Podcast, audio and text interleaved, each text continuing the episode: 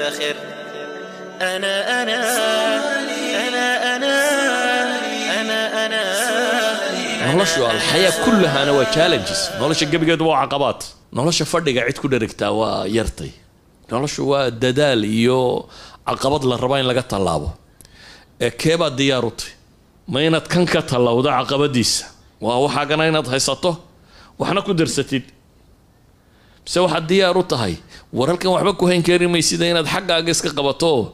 Dee taa lafteedu ma fududee? Challenges baa yaalay wax la cunaa la raadinaya dhaqaalaa la raadinaya nabad baa la raad. Challenge kale xaggaana yaalla. Inaad kaa waajahdo labada challenge ama labada caqabadood keebaad diyaar u tahay inaad waajahdo weeyaan qur'aanka ilaahay wuxuu inoogu tilmaamayaa tajaaribtii ummadihii hore iyo wixii ku dhacay iyo siday qaar diintooda u haysteen iyo qaar siday u milmeen waxaa kaloo qur'aanka ilaahay inoogu tilmaamayaa qurbadii koowaad ee muslimiintu siday uga baxeen.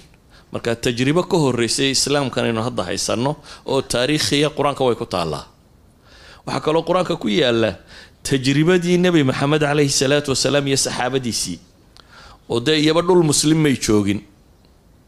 Yani nebigu markuu soo baxay maka dee gaalaa deganayd madiinana gaalaa deganayd carabina gaalay ahayd midhmidh baa dadka uu islaamay dhowrkaa qof oo uu isagu waxay ahaayeen mujtamac yaroo koobanoo ku dhex nool mujtamac ka gadisan oo diin ka gadisan haysta. Afka way wadaagayeen laakiin dhaqan iyo diin ka gadisan oo jaahiliye ah haysta. Marka lababa waxaynu u baahanay inaynu wax ka baranno. Taariikhdu qur'aanku ka waramayee ku saabsan dadkii mashaakilkaasi qabsadee ka soo baxay ama ku dhacay inaynu si fiican u daraasayno saxaabadii nebiga iyo nebi maxamed caleyhi salaatu wasalaam gurbat lislaami luulaa siday uga baxeen.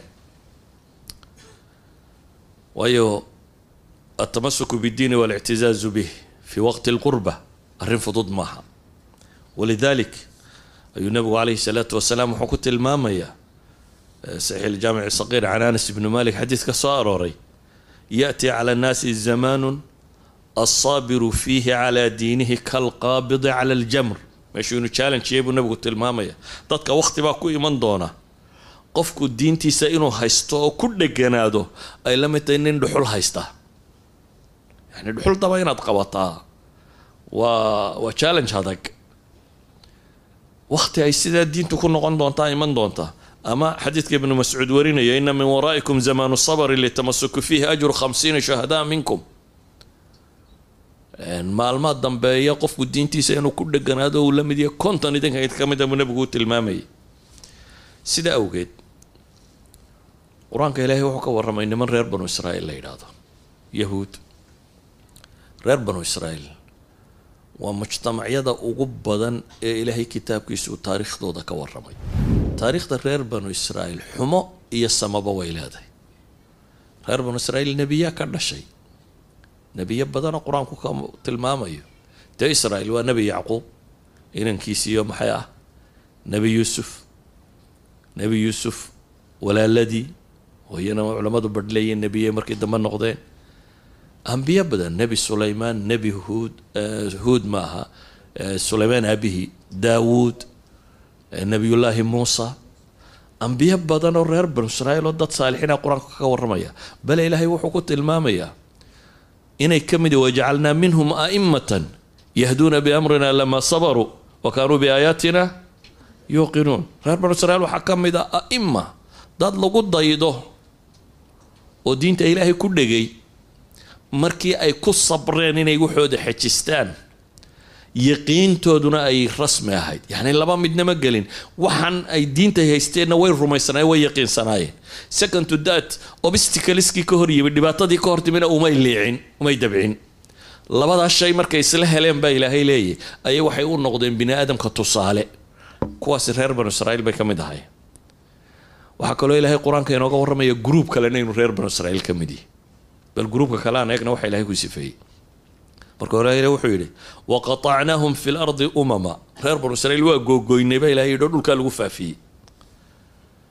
Minhum asaalixuuna wa minhum duuna dalik kuwa suuban iyo kuwa xunba way lahaayeen baa ilaahay leeyahy wabalownahum bilxasanaati wasayi'aati lacalahum yarjicuun dhibaatooyin iyo wanaagba waa ku itixaamnay.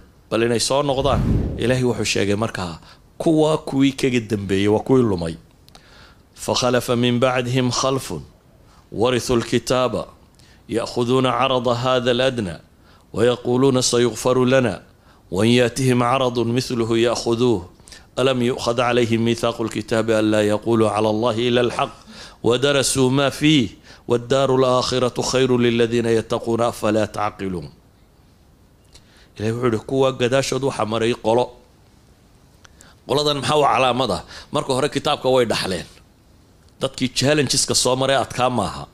Waa dad dhaxlay waa sideenoo kale? Inagu islaamnimona umaynan dhiman cidna meel kamaynaan xoraysan. Inagoo dhul muslim deganoo dad muslimiina la nool unbaynu islaamnimada dhaxalnay weliba aabiyii hooyadii buu ka dhaxlay bulshadii ula joogay buu ka dhaxlay. Way dhaxleen. Kuwan ilaahay wuxuu ku tilmaamaya inay yihiin warithu hada alkitaab asalkana waxaa la yaqaana qofka bini aadamkaah wuxuu dhididkiisa iyo dheecaankiisa ku bixiyo. Wuu uga lexa jeclo badan yahi waxa si fudud u soo gala xataa dhaqaalaha caadiga ah. Waxaad adigu ku dhididay si fudud kuma baxaan. Laakiin xoolahaad aabbaha ka dhaxashay inta badan saydhsaydhska dhallinyarada wixii ay aabahood ka dhaxleen inta badan. Way waa lagu tuntaa waa la baabi'iyaa. Laakiin waxaad adigu dhididkaaga ku keentay waxaa laga yaabaa inaad yamxeeriso ilaaliso oo ku xisaabtantid inaanu hore kaga bixin. Ilaahay kuwan wuxuu yidhi warithuu hada alkitaab way dhaxleen baa la yidhi dhaxal bay kitaabka ku heleen maxaa caada waa markaa ya'khuduuna carada hada aladna wayaquuluuna sayukfaru lana. Wain yaatihim caradun mithlu ya'khuduu waa iska dambaabayaan waxay doonaan bay samaynayaan marka la dha warwaseen waxay odhan insha allah ilaahay baa noo dembi dhaafi. Dabcan ilaahay dembiga ugu dhaafaa laakiin haddana hadday mashkiladu timaadaba ilahay leeyahy mar kale waa iska qaadanayaan. Marka amalka war ilaahay baa kafuururaxiima ilaahay baa inoo dhaafiyo iska walaaqda ayay ku wadaan waa maxay ka soo horbaxay islaamnima waa khilaafayaan? Waxaanay nafta ugu sheekaynayaan ilaahay waa kafuururaxiima ilaahay baa inoo dhaafi. Laakiin maaha kafuururaxiimnimo intuu rumeeyey wixii ka joogsaday oo leeyay ilaahay wixii hore hayga dhaafay markaan waddada saxaya wain yaatihim caradun mithlu ya'khuduuh baa ilaahay yidhi. Tii ku labaadoo la mid a hadday soo martana halkii bay ka wadayaan waa qaadanayaan baa ilaahay yidhi. Ilahay markaa wuxuu ihi war kuwan miyaan ballan ilaahay ka qaadin inay de xaqa ku sugnaadaan oo diintan ku sugmaan oo aakhira inay dambayso ogaadaan. Qola waa nooca. Qolo kalena ilaahay wuxuu yihi waaladiina yumasikuuna bilkitaabi wa aqaamuu asalaata inaa laa nudiicu ajra almuslixiin waaladiina yumasikuun kuwa kitaabka qabqabsanaya baa ilahay yidhi. Masaka oo bitadciifa. Luqa alcarabiya yani waxa weeyaan markaad qabqabato waa qof aan rabin waxaan inuu ka baxsado laga yaba dumar qura qabto ay ka siibato qofka caadiga iska laakiin kani waa qof raba maxay? Inuu xejisto kuwa xejisanaya baa ilaahay yidhi kitaabkan ee salaada oogaya kuwana ajarkooda dayici maaya ilaahay yidhi. Idan waa laba miduun inaynu idhahno insha allah sayukfaru lana. Waa carruurta waa iska hagaagi doontaa diinku. Waa arrimaha diinta oo dhamme ay noqdaan insha allahu inaynu sayukfaru lana ku dhisino ku binayno calaa hada almadhab qaadano iyo inaynu qaadano madhaba atamasuku bilkitaab inaynu xejisano jiilkii hore saxaabadu siday uga baxeen sawir yaroo kooban baan waxaa idinka siinayaa afartii suuradood ee qur'aanka ugu horreeya soo dega culamadu waxay isku waafaqsan yihiin afar suuradood qeybaha ugu horreeya inay qur'aanka u soo hordegeen waa laga yaabaa riwaayaadka oo isdhaafdhaafinaya afartani say u kala horreeyeen inaad aragto. Laakiin afartaasi inay yihiin afartii ugu horreeyey ayaa badiba culammadu tilmaamaan. Waa suurat lcalaq inta ugu horeysa iqra bismi rabbika aladii khalaq khalaqa alinsaana min calaq. Iqra warabuka alakramu aladii callama bilqalam callama alinsaana maa lam yaclam aayaadka ugu horreeya waa suuratu mudathir aayaadka ugu horreeya yaa ayuha almudathiru qum faandir warabaka fakabir wahiyaabaka fatahir wاlrujsa fahjur walaa tamnun tastaktir walirabbika fasbir waa suurat lmuzamil aayaadka ugu horreeya yaa ayuha almuzamilu qum illeyla ilaa qaliila aayaadkaa ku xiga iyo suurat alqalam nuun waalqalami wamaa yasturuun ma anta binicmati rabbika bimajnuun waxay culammadu yidhaahdaan waxyigii koowaadee dee nebi maxamed ku bilaabmay. Wuxuu ahaa waxyi aan si fudud loogu sheeginay si xoogan loogu sheegay. Yacni dhowr jeer buu jibriil halkan qabto intuu nafta isugu keenay nebiga uu yihi iqra. Uu nebigu lahaa ma ana biqaari xataa markay neefta ku uu sii daayo uu leeyahay iqra. Waxay culamaadu yidhaahdaan alaslu fi tacliim waa in si fudud la isugu sheego. Lakin waxay dhahay hadihi almasala waxaa la rabay bay leeyahy fi qimati alintibaahi wasaxwa in arrinka soo socdaa wax fudud inaanu ahayn in la soo jeediyo.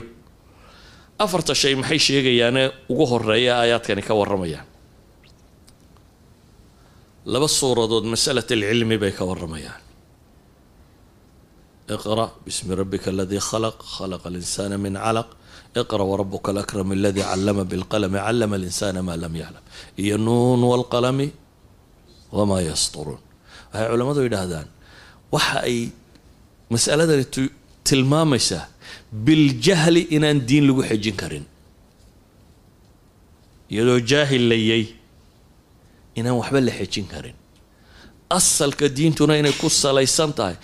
Carab wakhtigeedii waxaa laga yaabaa aqoon dadka ugu dambeeya inay ahayd baahiyahay qabtee kale waxaa laga yaabaa haddii adiga lagu odhan lahaa maxaa lagu islaaxin lahaa? Cadaaladda hala raadiya kan hala raadiya wax badan oo kale inay tilmaami lahayd. Laakiin masalatu tawxiidi waalcilmi bay yidhahdeen waa wada socotay. Asalku wuxuu yahay markaa aqoon ilaahay la barto rusushiisa la barto aakhire la ogaado cilmi baa lagu xejin karaa. Waa shayga koowaadee laga fahmaya bay yidhahdaan shayga labaadee laga fahmayo aayaadkani waxa weeyaan bay leeyihiin qofka bini aadamkii ama isagaa dacwo wada ama isagaa dacwo loo wada. Ama adaa lagu raadaynayaa adaa sii milmayo sii socda maalinba in muquuranaya. Ama adaa wax raadaynayo gruubkaaga isku dayaya inaad biiriso.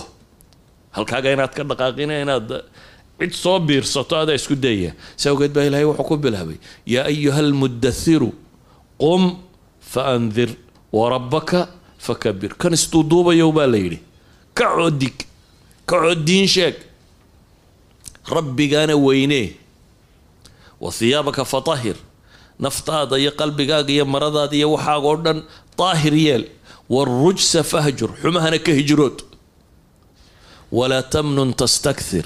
Waxaad wadana ilaahay dartii u wad xole ku raadinin. Adoo ku badsanaya ha samaynin walirabbika fasbir. Jidkaa haddaad qaadana mashaakil baad la kulmaysaaye. Sabir oo adkaysaa la leeyahy yani waxaa lagu bilaabay nebi maxamed haddaynu dhahno calayhi salaatu wasalaam waaba aayaadkii labaadee ku soo degay sida culamo badani qabto. Cilmigii ugu horreeyay intuu leekaa waa iqra iyo waxoogaa riyooyina. Cilmi intaasuu hayay haddana iyadoo cilmigu intaa ku kooban yaha waxaa la yidhi maxay? Mabda'a faafi mabda'a bilow. Idan waxay idhaahdaan khayru difaac. Si laysu difaaco waxa ugu fiican bay idhahdeen adigu weerar gasho. In adiga marka lagu arko la yidhaha war waa kii wadaadka in buudiin sheegay xagga inooga du adigu inaad tahay qofka wax raadaynaya ee isku dayaya dadka inuu raadeeyo. Laakiin insaanku dhibta tirada badan leh uma adkaysto ilaa iyo inuu ilaahay xidhiidh dhab a la leeyay mooyaane. Si awgeed baa waxaa la yidhi yaa ayuha almusamilu qum illeyla ilaa qaliila nisfahu aw inqus minhu qaliila aw zid calayhi waratil ilqur'aana tartiila ina sanulqi calayka qowla thaqiila ina naashi'ata alleyli hiya ashaddu waطcan waaqwamu qiila wadkur isma rabbika bukratan. Okay ilaahay wuxuu leeyahy kan isduuduubayow kac ka isdadayow baa la yidhi kacoo ilaahay isu taag markaad dhibi ku qabsato nolosha caadiga ah haddii adigu aada iska qaadi kari weydo maxaad samaysaa sida normalka bani aadamka lagu yaqaano waxa weeyaan inuu fakero asxaabtiisii ciddii xidhiidh kala lahaa war maanta yaad mushkiladan yaa yaa ku caawin kara maalan problem dhaqaalaa kugu dhacay marka koowaad aad mushkilada xaliili karay waxaad soo odhanaysa bartalo yaad wax ka soo amaata ama wax ku siiya. Marka maskaxdaada markaaba waxaa ku soo degdegaya midharhkii xidhiidhkiina uu fiicnaay ama hanti haystay ama wax ku dhaamay ama caynka inaad tidhaahdo warbal waxyaamaahema inaad wax ka weydiya inaad wax ka heshaba waa suurtagal.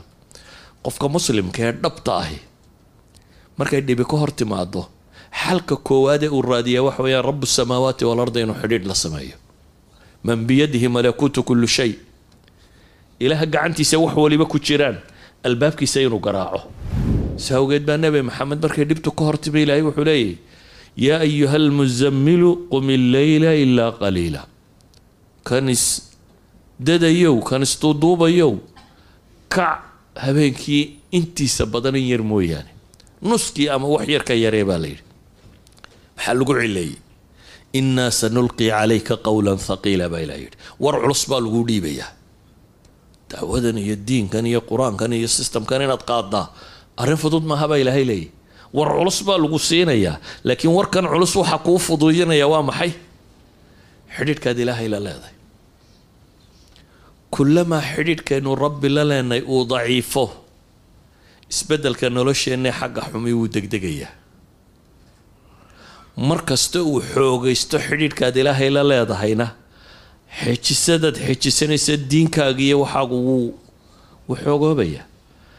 Idan aayaadkan markaan isku soo daro anigoo raba inaan ra'yi guudun ka tilmaamo koobo waxa weeyaan in wax la barto oo diintaada can cilmin aad ku sugnaato. Waayo shubahaadka kama jawaabi kartid ama ma ka noolaan kartid cilmi mooyaane. Shubhada daliil baa kaa riixi kara.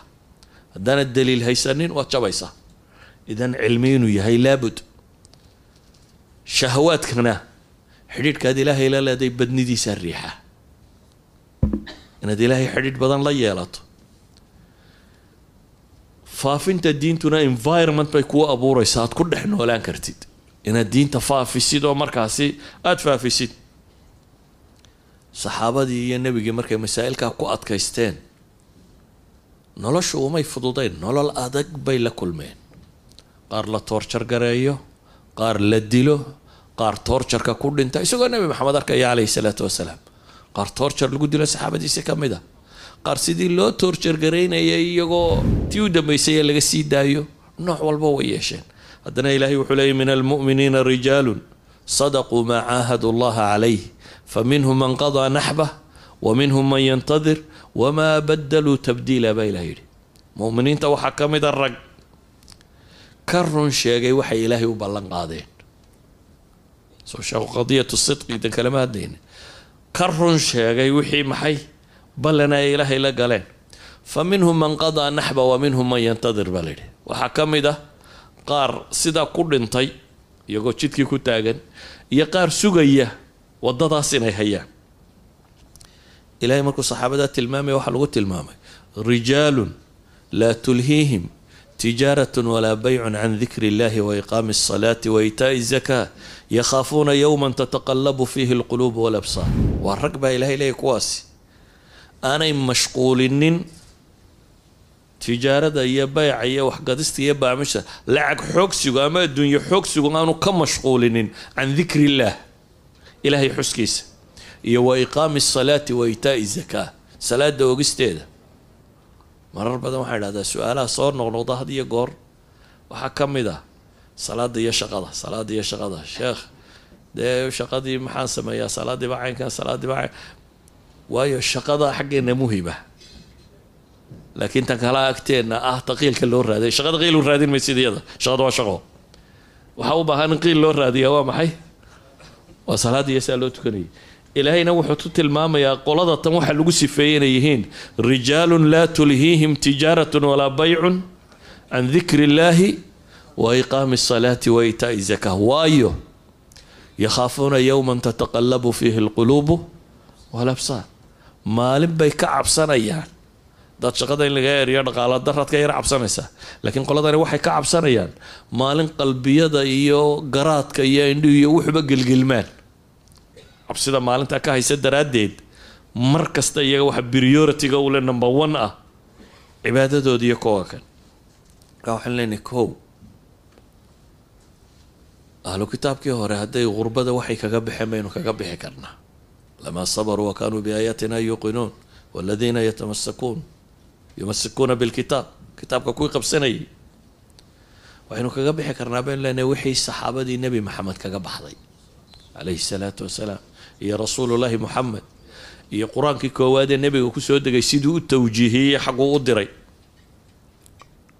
Waxaan kaga bixi karnaa baynu leenahay marka aynu garanno waxaynu haysanaa waxa inaga maqan inuu ka qiimo badan yihi alictizaaz biddiin yacni ma waxaan raadinayaa qiimo badan mise waxaan haystaa qiimo? Bini aadamku markuu wax iibsanayo ama wax gadanayo waxaad wax ku raadisaa maxay?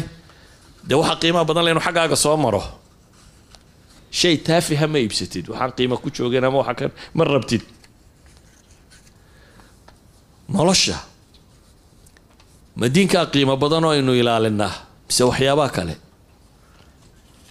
ilaahay wuxuyna baraya inaynu diinteenna muctasiin kuwa ku faano oo xejista maaha kuwa xejiyo qura xejinta waxaa laga yaabaa inaad tiraahdo ilaali laakiin haddaynu salaadii qabanno waa salaada iska tuko laakiin dee bal meelaha aan lagu arkayn iyo su'aaluhu waa musqusha ma lagu tukan karaa iyo meelaha ma lagu tukan karaa iyo gaadhiga adigoo wada kursiga ma iskaga tukan kartaa iyo meelahaasay su'aaluhu badan yihiin.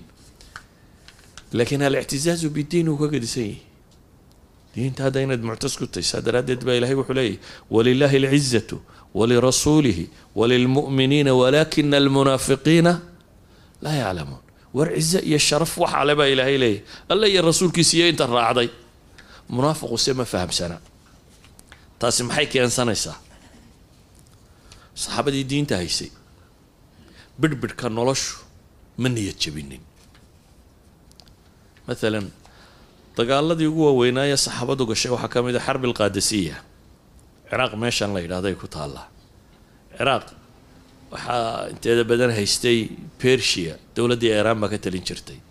Dee caasimadoodii madaa'in waa baqdaad dhinaceedaba kama foga maadaama ay ka talin jireen markii muslimiinta iyo nimankaas iiraanta ee majuusiyiinta dagaaladu dhex marayeen dagaaladii ugu waaweynaa waxaa ka mid ah dagaalka qaadisiya. Dhowr boqoloo kun oo gaalaa iyo soddoneeyo kun oo saxaabaaba is hortaagan iyo intii la socotaya.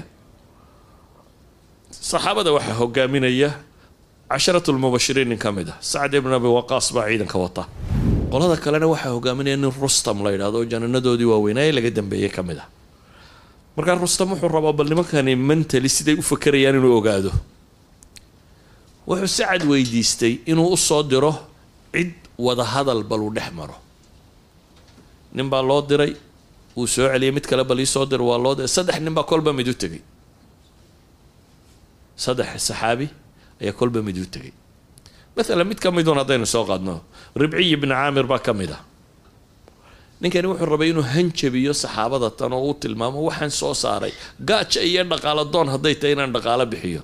Marka sariirtii boqortooyada meel la dhigay dabeetana red carbetiska ayaa la wadhay dhulaad u ballaadhan ninkan muslimiinta ka socda faras yaroo gaaban buu wataa. Waa nin intaasoo bilood dagaal ku soo jiray. Dee ninay ka muuqato adduun iyo dhaldhalaalkii maaha rabiya ibnu caamir oo faras yaroo gaaban wataa soo baxay. Dabeetana markuu soo gaadhay meeshoodii buu iska soo dul eriyey faraskiisii kama degine.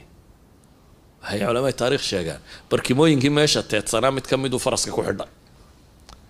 Dabeetana uu ka soo dhaadhaco uu xagga u soo dhaca waxay yidhahdeen boqorka saan looguma tago hubka dhig. Boqorka adigoo hub sita looma tago. Wuxuu ku yidhi boqorku isagaa ii yeedhay anigu umaan rabine. Haddaad rabtaana sidaydan baan ugu tegayaa haddaydan rabinna waa iska noqonaya. Boqorkii waa loo sheego waxaa la yidhi rustam ninkii wuxuu leeyahay anigu idinkaa ii yeedhay ama maca hubkaygaan gelaya. Ama waa iska noqonaya. Soo daaya buu ku yidhi. Maca hubkiisa soo daaya isagoo wixiisii situu soo galay. Su'aala baa la weydiiyey markaa maa jaa bikum? War maxaa idin keenay?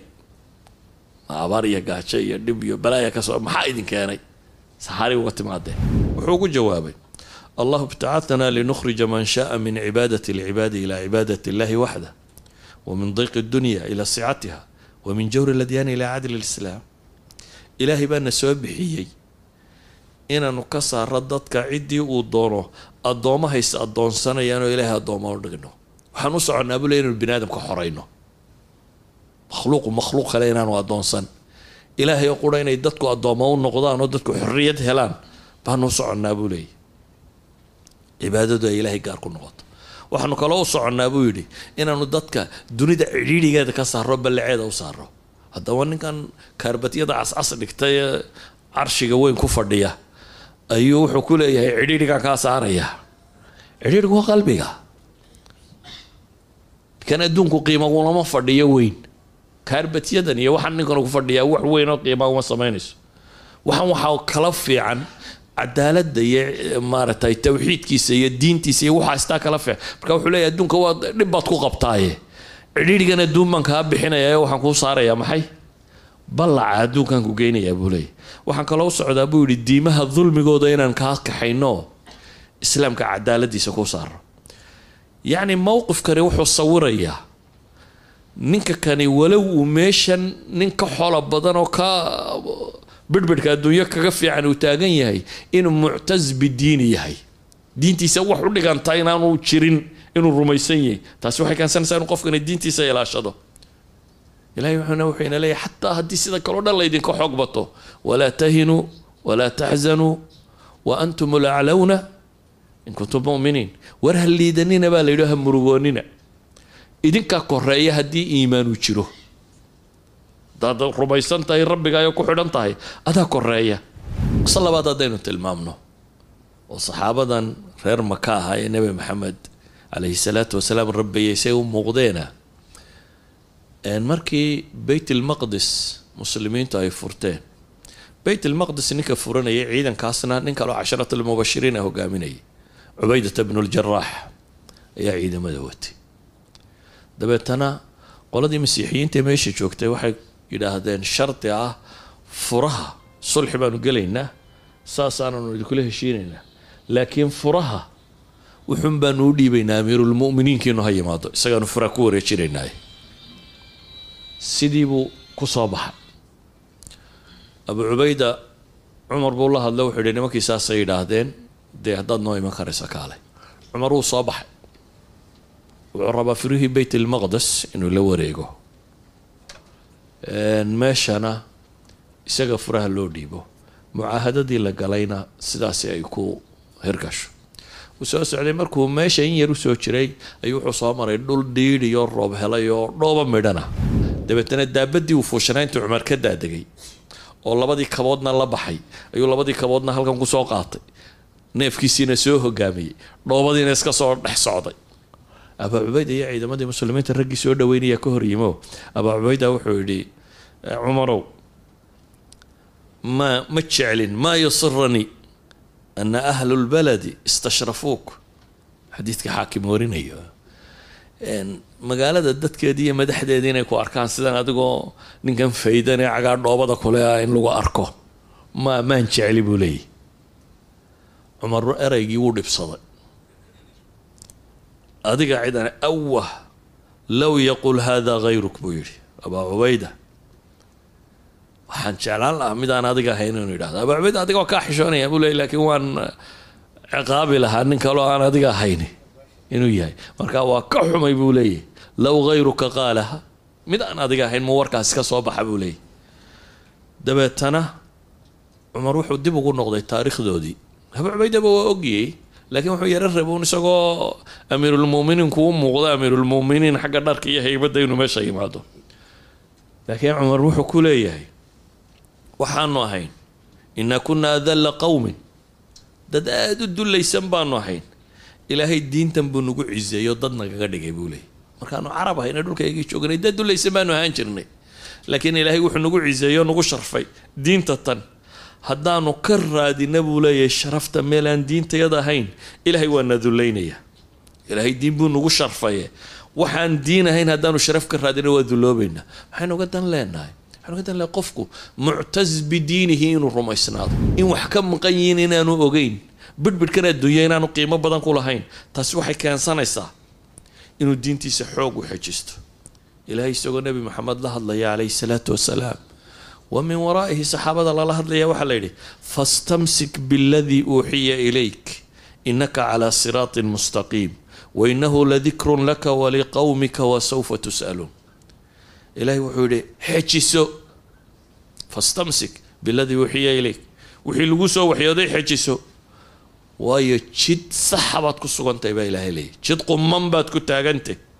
Wainahu ladikrun laka waliqowmik qur'aankaas iyo waxyiga iyo diintaa lagugu soo dejiyeyna sharaf buu kuu yahay.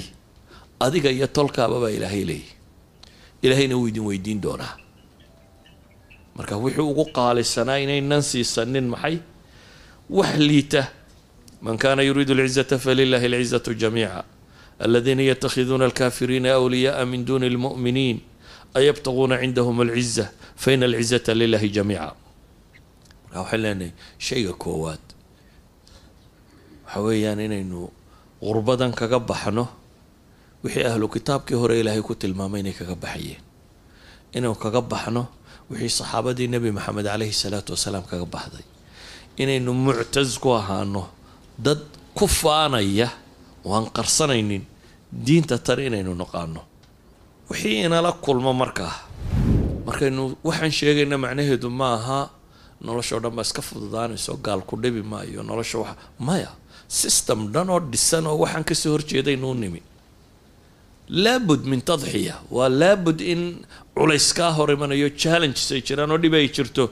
Laakiin waa maxay taxadiyaadka in geesinimo iyo sabir lagala hortago. Geesinimadu goob dagaalo qura maahee geesinimada adabiga ah ka roon. Kalimatulxaq inaad markasta ku dhawaaqi karto. Waxaaga inaad muujisan karto.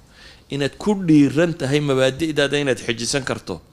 Walidalik baa ilaahay reer banu israiil kii hagaagay wuxuu yidhi wajacalnaa minhum aimatan yahduuna biamrina lamaa sabaruu wa kanuu biaayaatina yuuqinuun yaa ayuha aladiina aamanuu isbiruu wasaabiruu waraabituu wataquu llaha lacalakum tuflixuun war kuwa iimaanka laga helayo baa ilaahay yidhi sabra oo la sabir dhigta baa la leeyahay mashaakil kugu badan doonaayo waa bini aadam waxaan kaloo idinka hor imanayaaye yo idinka sabir badinin baa ilaahay leeyahy waraabituu fii thuquurikum goobaha aada ku jirtaan ee dhufaysyadiinana ilaahayna ka cabsada waa guulaysan doontaan baa ilaahay leeyahy subxaana wa tacaala. Intaa kadib waxaynu u baahan nahay nooc min alxikma nooc min alxanaka nooc min allabaaqa nooc min alrifq iyadoo mabaadida ku xejisanayno haddana inta aynu si fudud wax u wadi karno inaynu u wadno marka qofka la idhaha diintaada xejisa dadka barhba u fahmo uun cunfi iyo dagaal iyo qallafsani iyo insidhamaqiiq meel kasta kala hortag. Sidaasna ma sax maaha. Waxaagay hayso xejiso laakiin dee martaa tahay usluubna u noolow. Yu'ti alxikmata man yashaa waman yu'ta alxikmata faqad uutiya khayran kathiira wamaa yadakaru ilaa ulilbaab caaisha ayaa waxay sheegaysaa xadiiskii sheekheynku warinayaan qolaa nabiga u timi iyagoo dee ku jeesjeesaya oo caayaya. Markaasaa waxay ku yidhahdeen assalaamu calaykum. Assalaamu laamkaa laga boodayaa laakiin waxaa la yska dhigayaa in iyadii la yidhi assalaamu calaykum. Assalaamu calaykum waa geeriye korkaaga ha ahaato waa habaar. Assalaamu calaykumna waa rabbi ha ku xifdiyo nabadgelyo iyo wanaag korkaaga ahaado assalaamu calaykumna waa mowd iyo geeriyo balaayo korkaaga ha ahaato. Dabeetana caaisha intay cadhootay markiiba waxay tidhi bal wacalaykum asalaamna wallacma idinka cadhada alle iyo geeridiis iyo nacdashiibu korkiina idinka ha ahaata bay tidhi. Nabigu caleyhi salaatu wasalaam isagoo kuwana maqlaya wixii ay yidhaahdeen. Caaishana maqlaya waxay tidhi ayuu caaisha haddana tala siinaya wuxuu leeyaha caaisha ina allaha rafiiqun yuxibu rifqa fi lamri kulli. Caashaay ilaahay waa rafiiq waa ku si dabacsan dadka u dhimriya yuxibu rifqa fi wax walbana in si dhimrisan loo sameeyo ayaa alla jeceliyay subxaana wa tacaala. Caaisha waxay mooday nebigu inaanu maqlin malaa dhimir dhimirtani waa warkii baanu maqlina awalam tasmac maa qaal waxay ku hadlayeen miyaad maqal ilaahi rasuulkiisiiyo qad qultu wacalaykum buu nabigu yidhi.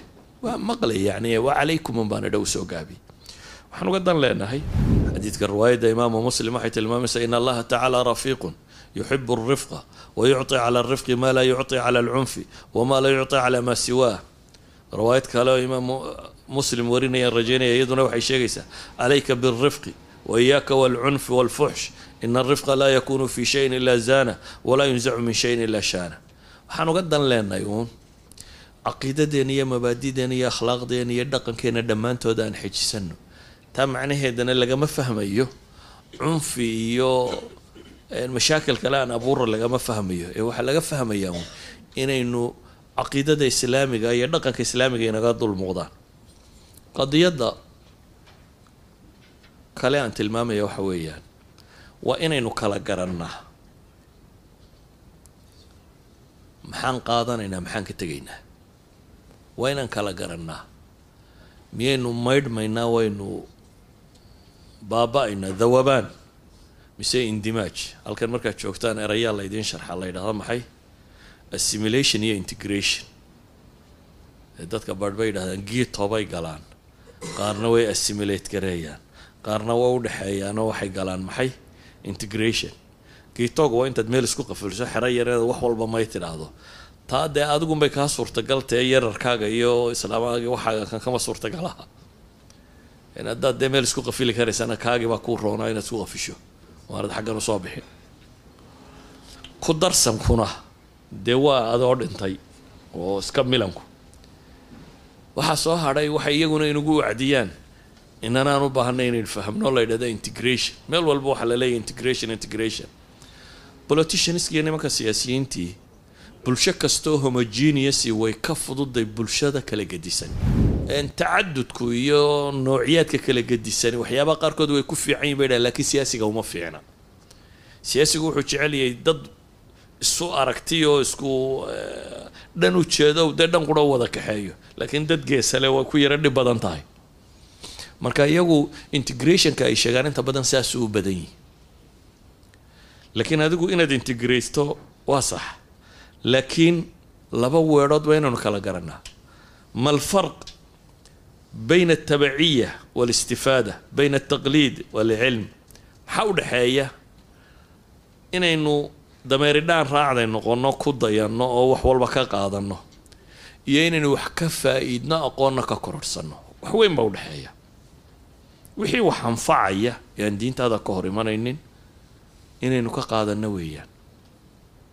Laakiin masaa'ilka caqaa'ida iyo diinta iyo akhlaaqiyaadkeena iyo cibaadaadkeena waxayna inaynu ka tanaasulla maaha inaynu ka tanaasulla maaha marka waa inaynu kala garannaa nabigu calayhi salaatu wasalaam wuxuu tilmaamayaa inay dhici doonto latattabicunna sanana aw sunana man qablakum shibran bishibrin wa diraacan bidiraac waxaad raaci doontaan buu nebigu yidhi wadooyinkii dadkii idinka idinka horreeyay taaka taaka iyo dhudhudhudhun saxaabadii dee mintidka ahayd ee wax iska soo dhicisay ee dhulka xoraysatay ee caynkana buu warkaa ku leeyahy markaasuu nebigu wuxuu yihi weliba xataa low dakhaluu juxra dabbin latabictumuuh aw la dakhaltumuuh xataa hadday god masalugalay god masacagalay hadday galaan waa ka dabagelaysaan buu nebigu yidhi. Markaasa waxay dhahay yaa rasuula allahi alyahuuda wanasaara ma yahuud ya nasaara? Qaala faman? Yaa kale buu nebigu yidhi. Yaa kale. Maalin kaleo haddana nebigu wuxuu yidhi xadiidkan oo kale sunana man qablikum baa raaci doontaan markaase waxay dhahay alruma walfurs. Ma romanska iyo bershianka yaa kale buu nebigu ku yidhi. Ibnu xajar raxmatullaahi caleyh markuu labada xadiis ba fasiraya wuxuu leeyahay wixii siyaasad dawliya iyo baabkaa ku saabsanna waddada romanska iyo bershianka ayaa raaci doontaan. Hadday noqoto bidca iyo diin abuurka iyo waxaan kalena waxaad raacaysaan maxay?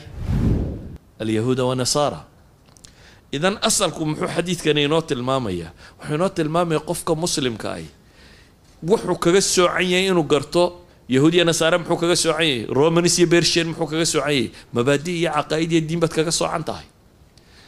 Maxaa wada leediin? Tajaarib alinsaaniya wixii ka tirsan. Bini aadamku wuxuu experienceku ku dhaxlay. Aqoontan la sheegayo o dhaminteeda badani waa maxay? Waa tajaaribtii bini aadamku uu kala dhaxlay idan waxaynu qaadanayno iyo waxaynu ka tegayna inaynu garanno. Ilaahay markuu qur'aan ka waramayo ambiya ilaahay ka warramay. Fii suurati maryam baan rajaynayaa ambiya ilaahay ka warramay. Nebi hebel nebi hebel nebi hebel. Marka ambiyadaa alla ka warramay ayaa ilaahay isku soo duuduuba wuxuu yihi ulaaika aladiina ancama allahu calayhim min annabiyiina min duriyati aadama wamiman xamalna maca nuux ومن ذرية إبراهيم وإسرائيل وممن hadayna واجتبينا ida tutla عليهم آيات الرحمن kharuu sujadan wabukiya kuwaasi baa ilahay yidhi waa kuwii ilaahay u nicmeeyey ee duriyaddii nebi aadam iyo kuwii nebi nuux iyo nebi ibraahim iyo nebi israiil waxa ay dhaleen iyo intaanu hanuuninay baa ilaahay leeyay. Ilaahay aayadkiisa markay maqlaan waa u khuduucaano waa u sujuudaa laakiin gruub kale gruubka nebiyada ka baxsan baa ilahay tilmaamay haddana. Fakhalafa min bacdihim khalfun. Gruub baa kuwa daba maray baa ilaahay yidhi. Oo wadadoodii ka weecday maxay sameeyeen? Adaacu salaata watabacuu shahwaata fa sawfa yalqowna hayan salaaday dayaceen shahwaatu nafsi wixi ay rabtay iska raaceen kuwaasi naartay gelayaan baa lagu tilmaama maxaan uga doon leenay marka ilaa man taaba wa aamana wa camila saalixa fa ulaa'ika yadkhuluuna aljana walaa yudlamuuna shay-a waxaanu dan leenoo leenahay waa inaynu garannaa waxa aynu haysanayno waa inaynu garannaa tajaaribtii hore ilaahay wuxuu inoo tilmaamayaa duul wixii la rabay inay ka tagaan mooye wixii la rabay inay xejistaan ka dhacay. Oo maxaa ka mid a matalan ilahay wuxuu tilmaamaya watlu calayhim naba aladii aataynaahu aayaatina fansalakha minha faatbacahu shaytaanu fakana min alghaawiin waxaad dadka ku akhridaa baa ilaahay yidhi warkii kii aanu aayaadka siinay mid diin garanayuu ahaa. Maxaa ku dhacay fansalakh waa ka siibmay baa ilaahay yidhi.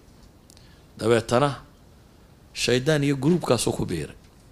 Kaa ilaahay markuu tilmaamay waxaa la yidhi famathaluhu ilaahay wuxuu markuu soo tilmaamay haddii ilaahay doonayo qofkani de qof sugan buu noqon laha waa kaa la soo sheega waxaa la yidhi famathaluhu kamathali lkalbi in taxmil calayhi yalhath aw tatruku yalhath. Kaa tusaalihiisu eygu buu la mid yahay baa la yidhi eyga haddii la eryana carabka waa laalaadiyaa hadduu iska fadhiyana carabka waa laalaadiyaa xoolaa kale sidaa maaha. Xoolaa kale markay kulayl iyo waxaa dareemaan bay haraariyoodaan. Markay se nabad qabaan dee ma haraariyoodaan. Eygu laakiin mar kastaba isagoo carab laala kan waxa weeyaan hadday diin loo sheegiyo haddaan loo sheegin waa isku mid. Ilaan marka horeba diin buu hayo uu ka baxay. Waa kitaab xoor. Dee wadaad quri kitaab xoor maahe haddaynu wadadaa wada cararo dadku waa wada kitaab xoor buu noqonaya ninba intuu hayuunbuu xoorayahay nin salaad xoora iyo nin inka durugsan xooraba. Ninba intuu hayuu xooraya.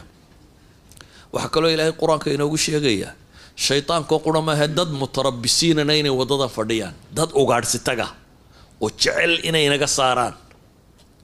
Ilahay wuxuu leeyahy wadda kathiiru min ahli lkitaabi low yaruduunakum min bacdi iimaanikum kufaaran xasada min cindi anfusihim min bacdi ma tabayana lahum lxaq in badan oo ahlu kitaab ka midi. Waxay jecel yihiin baa ilahay yidhi inay diintan idinka bixiyaan iimaanka dabadi inay gaalnimo idiin celiyaan. Weliba iyagoo uu xaqu u cad yahay maray wax garteen. Xaasidnimo daraaddeed baa ilaahay yidhi. Dee kuwaasina iyana waa joogaan. Marka waxa weeyaan wadcigii oo adag shaydaan oo meesha jooga qolo kaleoo kuugu adhsanaysa oo meesha joogta iyo adigoo labaclabacla ah haddaa is heshaan dee arrinku waa khatar marka waa inaynu kala garanaa uun maxaynu kororsanaynaa maxaynu? Aan dib ugu soo noqdo markaasi waxaan ka bilaabayaa halkan waynu nimiye su'aasha ah si fiican qof waliba uga jawaabo. Ma waxaagii adigoo haysta inaad wax ku kororsataa baad rabtay? Mise inaad waxaagii wax ku bedelato ninkii rabay wixiisii inuu wax ku kororsadaa waxaad haysata diin baa ugu weyneydee diintii waa inaad xejisaa markaasaynu ka wada hadlaynaa adduun iyo wixii aynu kororsanayna taa haddii la waayo waa waxaygii wax ku bedelanayaa adna caydhiya shaqaa lagu siin. Ee diinta iyo carruurtana waa lagaala tegi. Adna caydhiya shaqaa lagu siin. Nabadgelyo iyo waxaad ku noolaatay oo kale. Laakiin nabaddu waa maxay?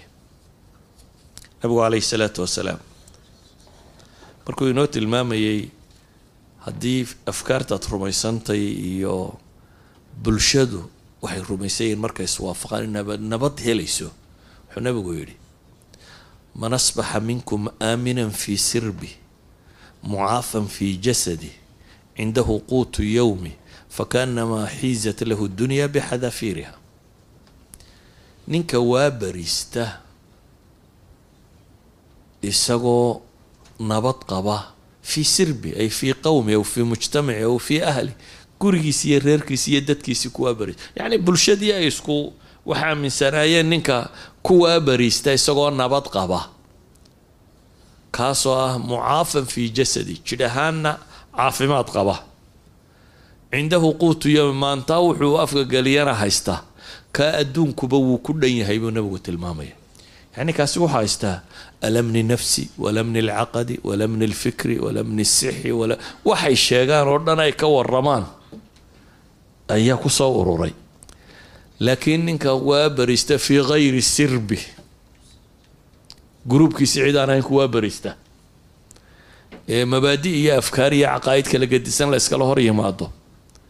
Kaasi kaasi meel khataruu joogaa marka su'aashuun waxay tahay haddaad rabtaan inaad waxaa haysateen wax ku bedelataanna dee waa mas'ala haddaad rabtaan wixii aa haysateen inaad haysataanoo wax kororsataanna waxaa haysateen sidaa u haysan lahaydeen caqligeeda